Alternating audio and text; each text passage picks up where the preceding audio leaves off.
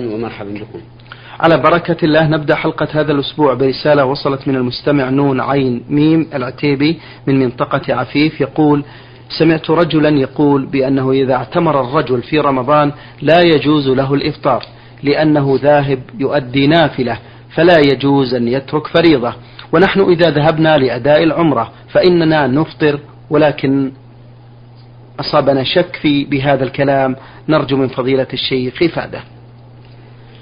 الحمد لله رب العالمين وأصلي وأسلم على نبينا محمد وعلى آله وأصحابه ومن تبعهم بإحسان إلى يوم الدين. إذا سافر الإنسان للعمرة في رمضان فإن له أن يفطر من حين أن يخرج من بلده إلى أن يرجع إليها ولو بقي في مكة كل الشهر. فإنه ثبت عن النبي صلى الله عليه وسلم أنه فتح مكة في السنة الثامنة من الهجرة في رمضان ولم يصم بقية الشهر مع أنه دخلها في اليوم الثامن عشر أو في اليوم العشرين في العشر الأواخر التي هي أفضل أيام. ليالي رمضان وأيامه ومع ذلك لم يفطر كما صح ذلك في صحيح كما ثبت ذلك في صحيح البخاري من حديث ابن عباس رضي الله عنهما ولا شك أن رسول الله صلى الله عليه وسلم أحرص الناس على الخير وأنه صلى الله عليه وسلم مشرع لأمته ولكنه أخذ برخصة الله فلم يصم وهو في جوف مكة في العشر الأواخر من رمضان. والذي أفتاهم بأنه لا يجوز وعلل بأن صوم رمضان واجب والعمرة سنة لا شك أنه جاهل جهلا مركبا. لأنه جهل وجهل أنه جاهل. فإن صوم رمضان في السفر ليس بواجب بنص الكتاب وإجماع الأمة. قال الله تعالى شهر رمضان الذي أنزل فيه القرآن هدى للناس وبينات من الهدى والفرقان. فمن شهد منكم الشهر فليصم ومن كان مريضا أو على سفر فعدة من أيام أخر. فالمسافر لا يجب عليه الصوم بإجماع المسلمين. وبدلالة الكتاب والسنة على ذلك. فإن النبي صلى الله عليه وسلم أفطر في سفره وكان أصحابه معه منهم الصائم ومنهم المفطر. ولم يقل أحد من أهل العلم إن السفر في رمضان حرام إلا إذا كان واجبا.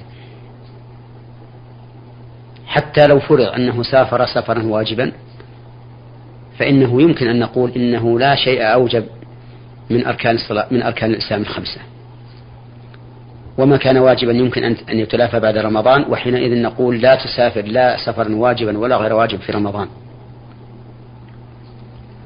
ولم يقل بذلك أحد. بل يجوز للإنسان أن يسافر في رمضان سفرا مباحا. ولو للنزهة. ويفطر. ولا حرج عليه في هذا. نعم لو فرضنا أن شخصا سافر من أجل أن يفطر أي سافر تحيلا على الفطر فحينئذ قد نقول إن ذلك حرام عليه أي أنه يحرم عليه أن يسافر وأن يفطر لأن التحيل على إسقاط ما فرضه ما فرض الله لا يسقط فرائض الله وأما من سافر لغرض مقصود لا يقصد بذلك الفطر فإن له أن يفطر بالإجماع بل بالنص والإجماع. وإنني أوجه نصيحة لهذا الأخ الذي أفتاهم بأن يتقي الله عز وجل وأن يعرف حق الله وأن يتأدب بين يدي الله عز وجل ورسوله. فإن الله تعالى يقول ولا تقولوا لما تصف ألسنتكم كذب هذا حلال وهذا حرام لتفتروا على الله الكذب. إن الذين يفترون على الله الكذب لا يفلحون. متاع قليل ولهم عذاب أليم. ويقول تعالى قل إنما حرم ربي الفواحش ما ظهر منها وما بطن والإثم والبغي بغير الحق وأن تشركوا بالله ما لم ينزل به سلطانا وأن تقولوا على الله ما لا تعلمون.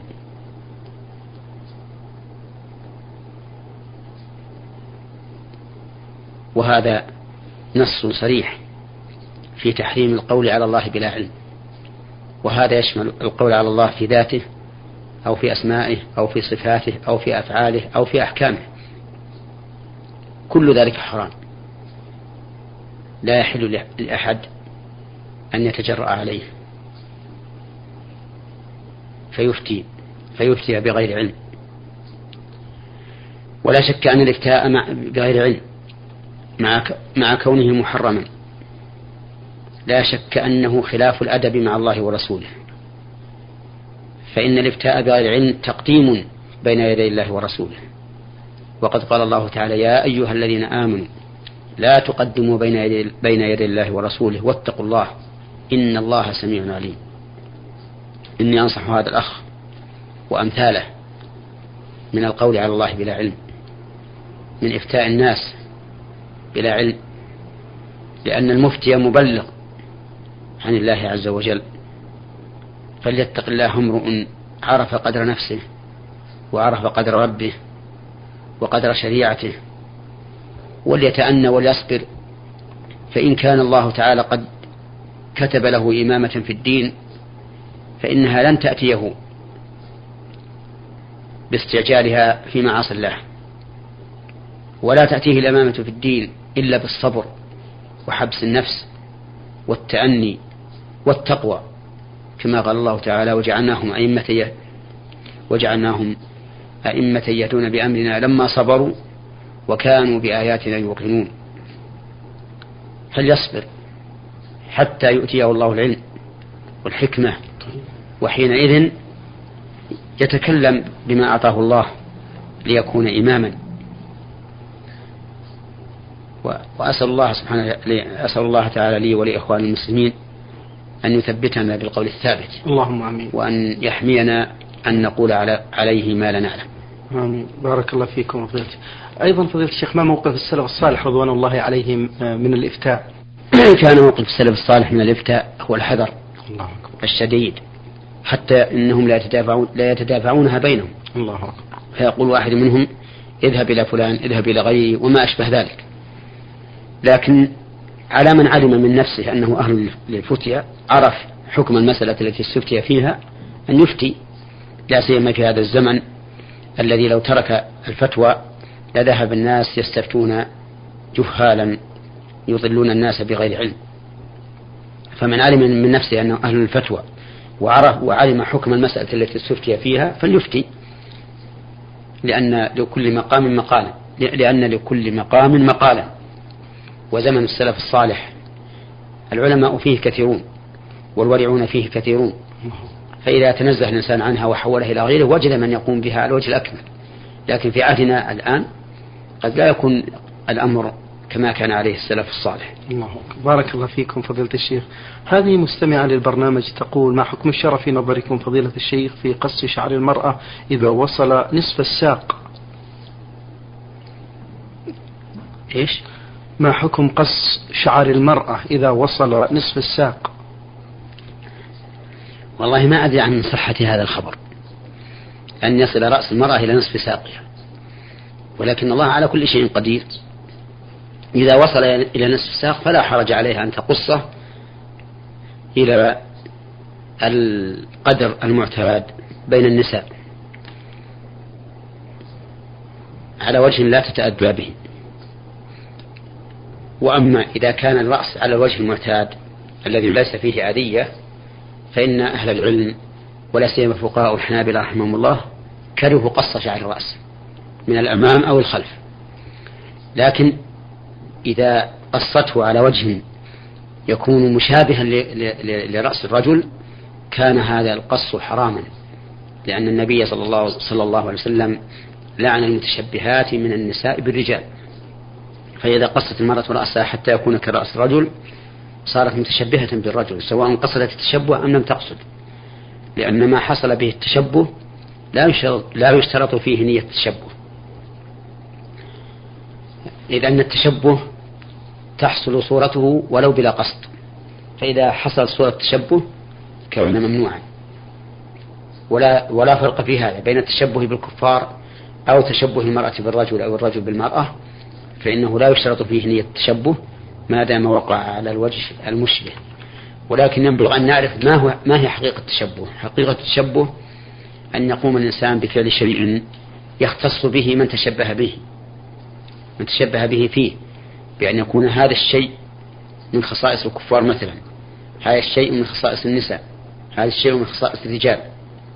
فإذا كان هذا الشيء من خصائص الكفار فإنه لا يجوز للمسلم أن يفعله سواء بقصد أو بغير قصد أي سواء كان بقصد التشبه أم بغير قصد التشبه وكذلك إذا كان من خصائص الرجال فإنه لا يجوز للمرأة أن تفعله وإذا كان من خصائص النساء فإنه لا يجوز للرجل أن يفعله. بارك الله فيكم. المستمعة فايزة سلمان من السودان تقول سمعت من بعضهم بأن صبغ الشعر حرام وأنا استعملت لأن لأن صبغ الشعر. حرام وأنا قد استعملت ذلك مرتين أفيدونا مأجورين أما صبغ الشعر الذي بيض بالشيب بالسواد فإنه حرام. نعم. لأن النبي صلى الله عليه وسلم أمر باجتنابه فقال غيروا هذا الشيب وجنبوه السواد. أخرجه مسلم. وقد ورد في السنن الوعيد على ذلك فقال يكون في آخر الزمان قوم يختبون لحاهم بالسواد. لا أظنه لا يجدون ريح الجنة. على كل حال صبغ الشيب بالسواد حرام. وأما صبغه بغير بغير بغير السواد مثل أن يصبغه بلون أدهم بين الحمرة والسواد أو بلون أصفر فإن هذا لا بأس به بل هو مأمور به. وكذلك الأصبغ الأخرى التي تفعلها بعض النساء إلا أن تكون هذه الصبغة مما يختص به نساء الكفار فإنها إذا كانت مما يختص به نساء الكفار كانت من التشبه بهن وتشبه المسلمة بالكافرة محرم لقول النبي صلى الله عليه وسلم من تشبه بقوم فهو منهم وهذا الحديث يدل على التحريم. بل قال شيخ الإسلام ابن تيمية رحمه الله إن أقل أحوال هذا الحديث التحريم وإن كان ظاهره يقتضي كفر المتشبه بهم. بارك الله فيكم. هذا المستمع فؤاد من جدة يقول يسأل فضيلة الشيخ عن عدد الركعات التي يجب أن تؤدى قبل صلاة الفجر ما بين أذان الفجر والإقامة وهل هي وهل سنة الفجر وهل هي سنة الفجر أو تحية المسجد إذا كان عددها ركعتان؟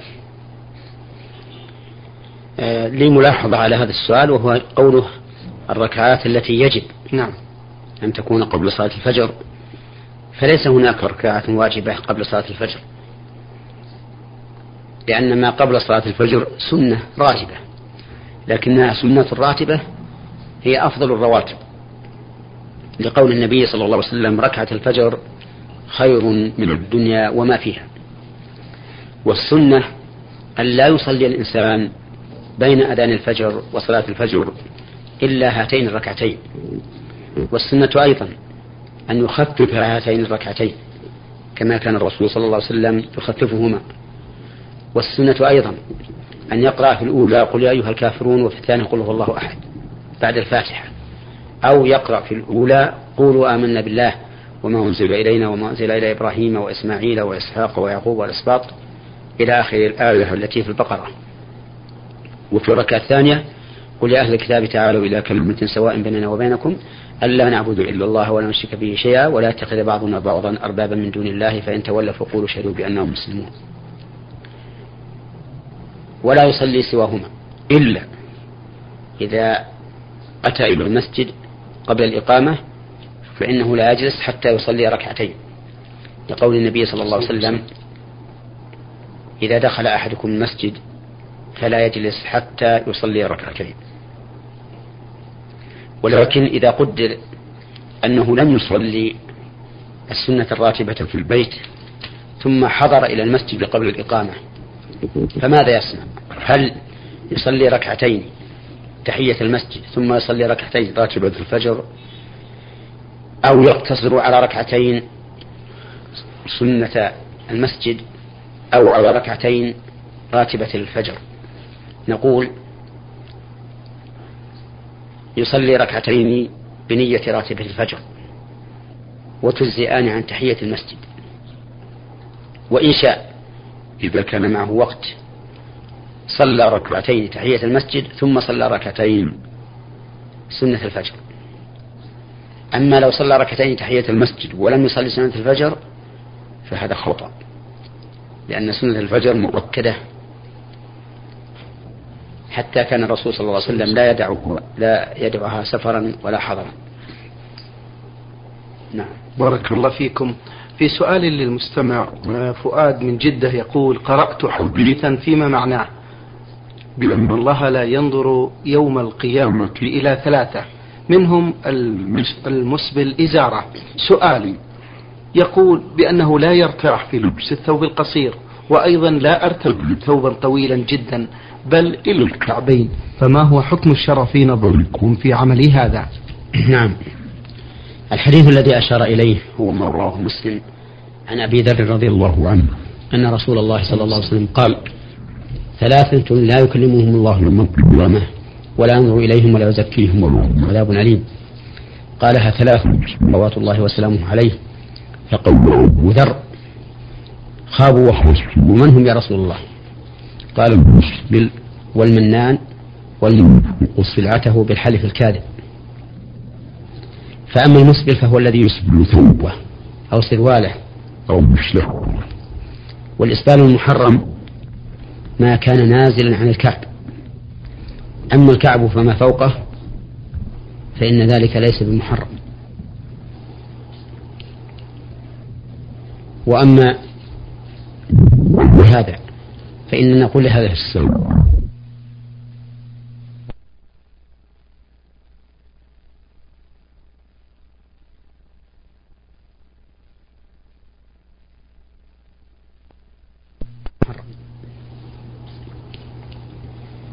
وأما وعلى هذا فإننا نقول لهذا السائل إذا كان ثوبك أو مشلحك أو سروالك أو إزارك إلى الكعب فما فوق فهذا جائز ولا ولا حرج عليك فيه.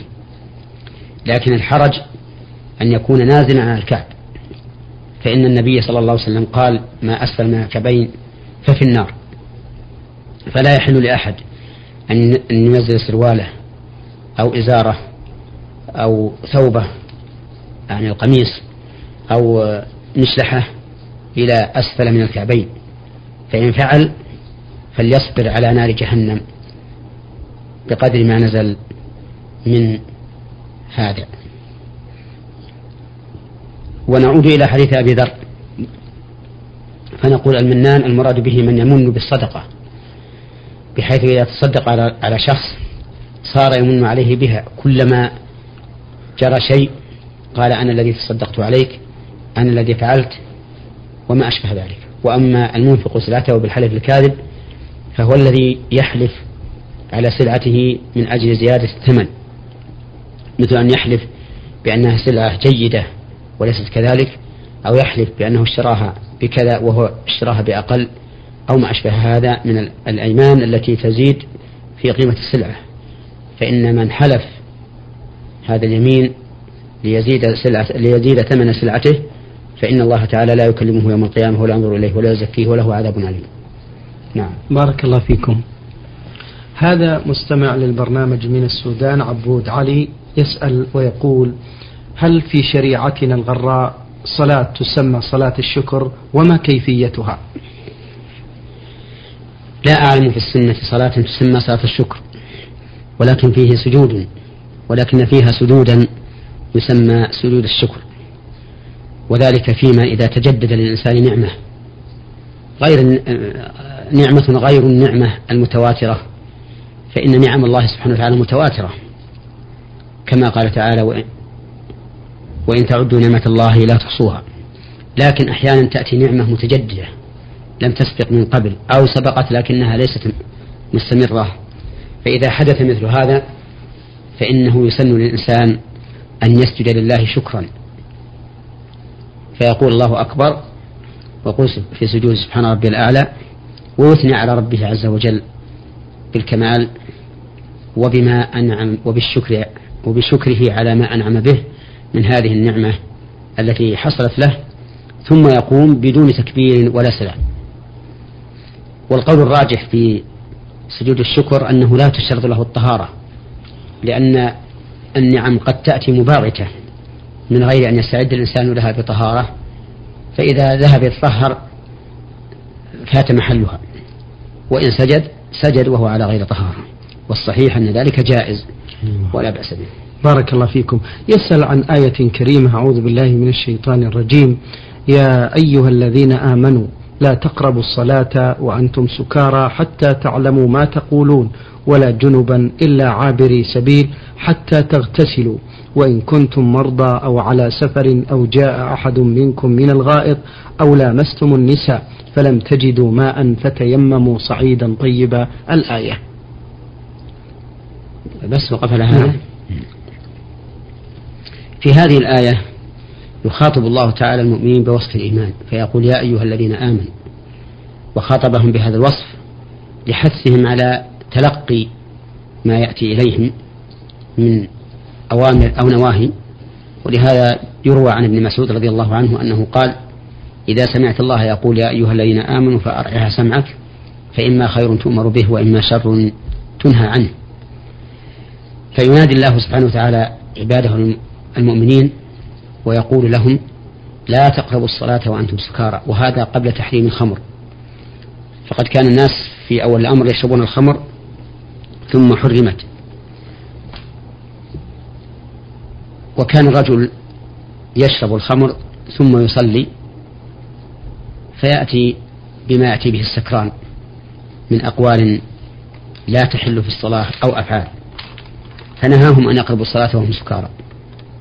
ونهاهم أيضا أن يقربوا الصلاة وهم جنب إلا عابر سبيل وهذه وهذه الآية تنطبق تماما على المسجد لأنه محل الصلاة. فلا يحل للمرء أن يبقى في المسجد ويمكث فيه وهو جنب إلا أن يكون عابر سبيل. أي إلا إذا كان مارا بالمسجد فإن ذلك لا بأس به مثل أن يدخل المسجد وهو على جنابة ليأخذ كتابا له في المسجد أو ليعبر من باب إلى باب أو ما أشبه ذلك. ورخص, كثير من أهل العلم للجنوب إذا توضأ أن يمكث في المسجد. وقوله تعالى حتى تغتسلوا أي غسل الجنابة وهو معروف. وإن كنتم مرضى أو على سفر أو جاء أحد منكم من الغائط أو لمستم من الساعة فلم تجدوا الماء فتيمموا صعيدا طيبا فامسحوا بوجوهكم وأيديكم. يعني إذا كان الإنسان مريضا ولم يتمكن من الغسل أو كان مسافرا ولم يجد ماء فإنه يتيمم أي يتيم يقصد أرضا طيبة طاهرة فيضرب يديه عليها ويمسح بهما وجهه وكفيه. وبذلك تتم طهارته ويصلي بهذا التيمم كما يصلي بطهارة الماء تماما حتى يجد الماء فإذا وجد الماء عاد فتطهر به. نعم. بارك الله فيكم. المستمع محمد السيد سليم من العراق بغداد يقول بأنه متغيب عن زوجته منذ ثلاث سنوات ومن أجل لقمة العيش. وقد سمعت من بعضهم يقولون إن غيابك عنها طوال هذه المدة يستوجب الطلاق. فأرجو منكم التكرم بالإجابة عن حالة مأجوري. ما ذكره لكم ما ذكره بعضهم لهذا السائل من أن الإنسان إذا غاب عن زوجته ثلاث سنوات فإن هذه الغيبة تستوجب الطلاق ليس بصحيح. وذلك لأن غيبة الرجل عن أهله لتحصيل الرزق إذا كان برضا منهم وأبقاهم في مكان آمن ليس فيه شيء حتى وإن بقي ثلاث سنوات أو أكثر. لكنه لا ينبغي للإنسان أن يتغيب عن أهله هذه المدة لأنه في حاجة إليهم وهم في حاجة إليه. ولأنه إذا غاب عنهم ربما مع طول المدة يزول شيء من المودة والمحبة. وقد يكون له أولاد يحتاجون إلى رعاية فإذا غاب عنهم هذه المدة ضاعوا. فالحاصل أنه لا حرج على الإنسان أن يتغيب هذه المدة إذا كان ذلك برضا زوجته وكانت في محل آمن ولكن الأولى والأحسن أن يكثر الترداد والملاحظة لها ولأولادها إن كان لها أولاد. شكر الله لكم يا فضيلة الشيخ وعظم الله مثوبتكم على ما بينتم لنا.